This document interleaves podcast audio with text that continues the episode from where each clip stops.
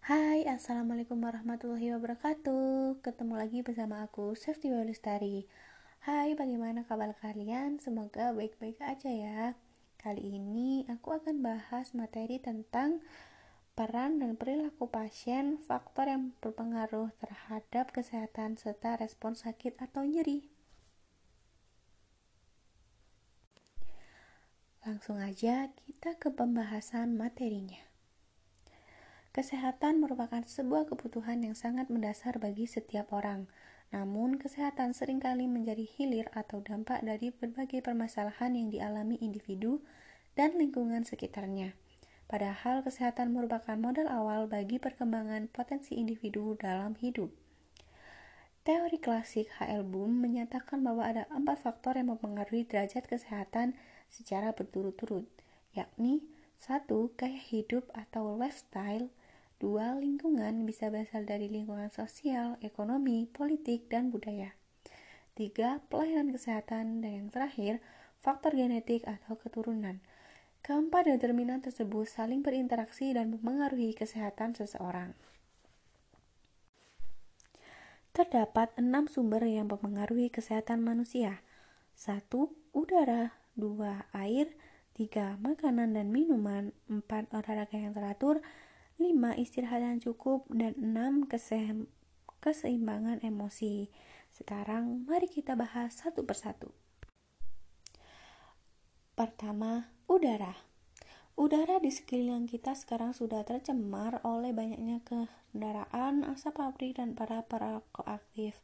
Nah, kita dapat membandingkan nih bagaimana udara kita pada 10 tahun yang lalu dan udara pada kita pada tahun sekarang rasanya sangat berbeda sekali. Yang dulu Malang itu daerah yang sangat dingin, sekarang menjadi daerah yang sangat panas. Nah, yang kedua, air. Sudahkah air yang kita konsumsi sehari-hari itu sehat? Kalau pakai sumur, sudahkah sumur kita jaraknya dengan sapi tank itu 10 sampai 15 meter? Nah, kalau belum berarti air yang kita konsumsi itu adalah air sisa pembuangan dari tetangga. Uh, jadi, air itu sangat mempengaruhi untuk keseimbangan metabolisme tubuh, sehingga dibutuhkan air yang jernih untuk tubuh kita agar menjadi sehat. Ketiga, makanan dan minuman. Makanan dan minuman zaman ini, zaman sekarang banyak sekali yang mengandung seperti pengawet, perasa, pewarna, dan parahnya ada yang mengandung formalin. Serta sekarang itu sudah banyak sekali makanan junk food atau makanan cepat saji. Nah, untuk tubuh yang sehat diperlukan makanan yang bergizi seimbang. Setelah itu ada olahraga yang teratur.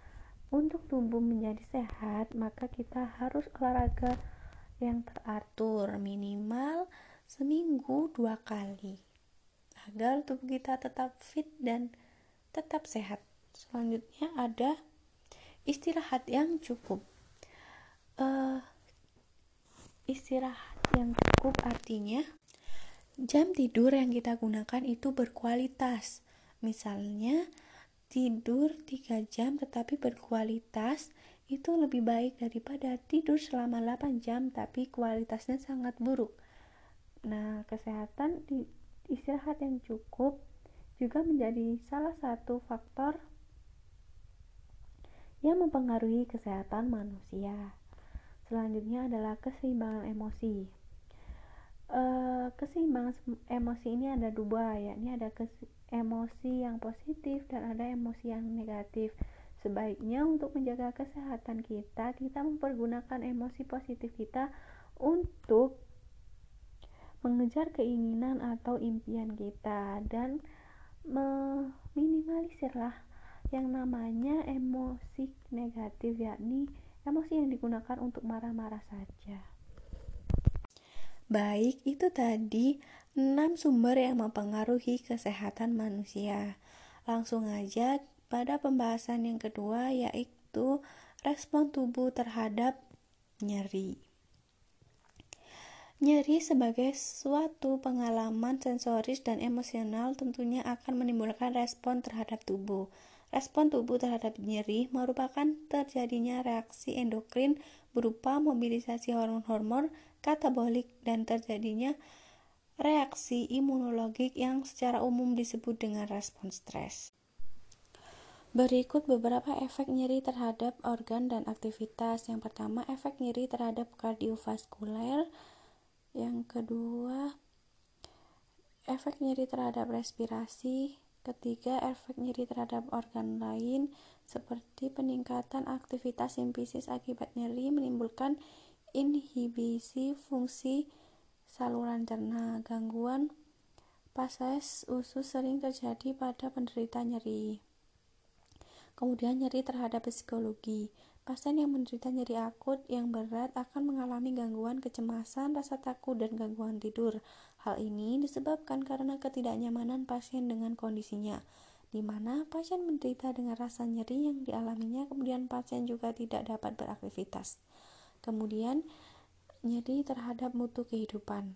Nyeri menyebabkan pasien sangat menderita, tidak mampu bergerak, susah tidur, tidak enak makan, cemas, gelisah, putus asa, tidak mampu bernafas, dan batuk dengan tidak baik.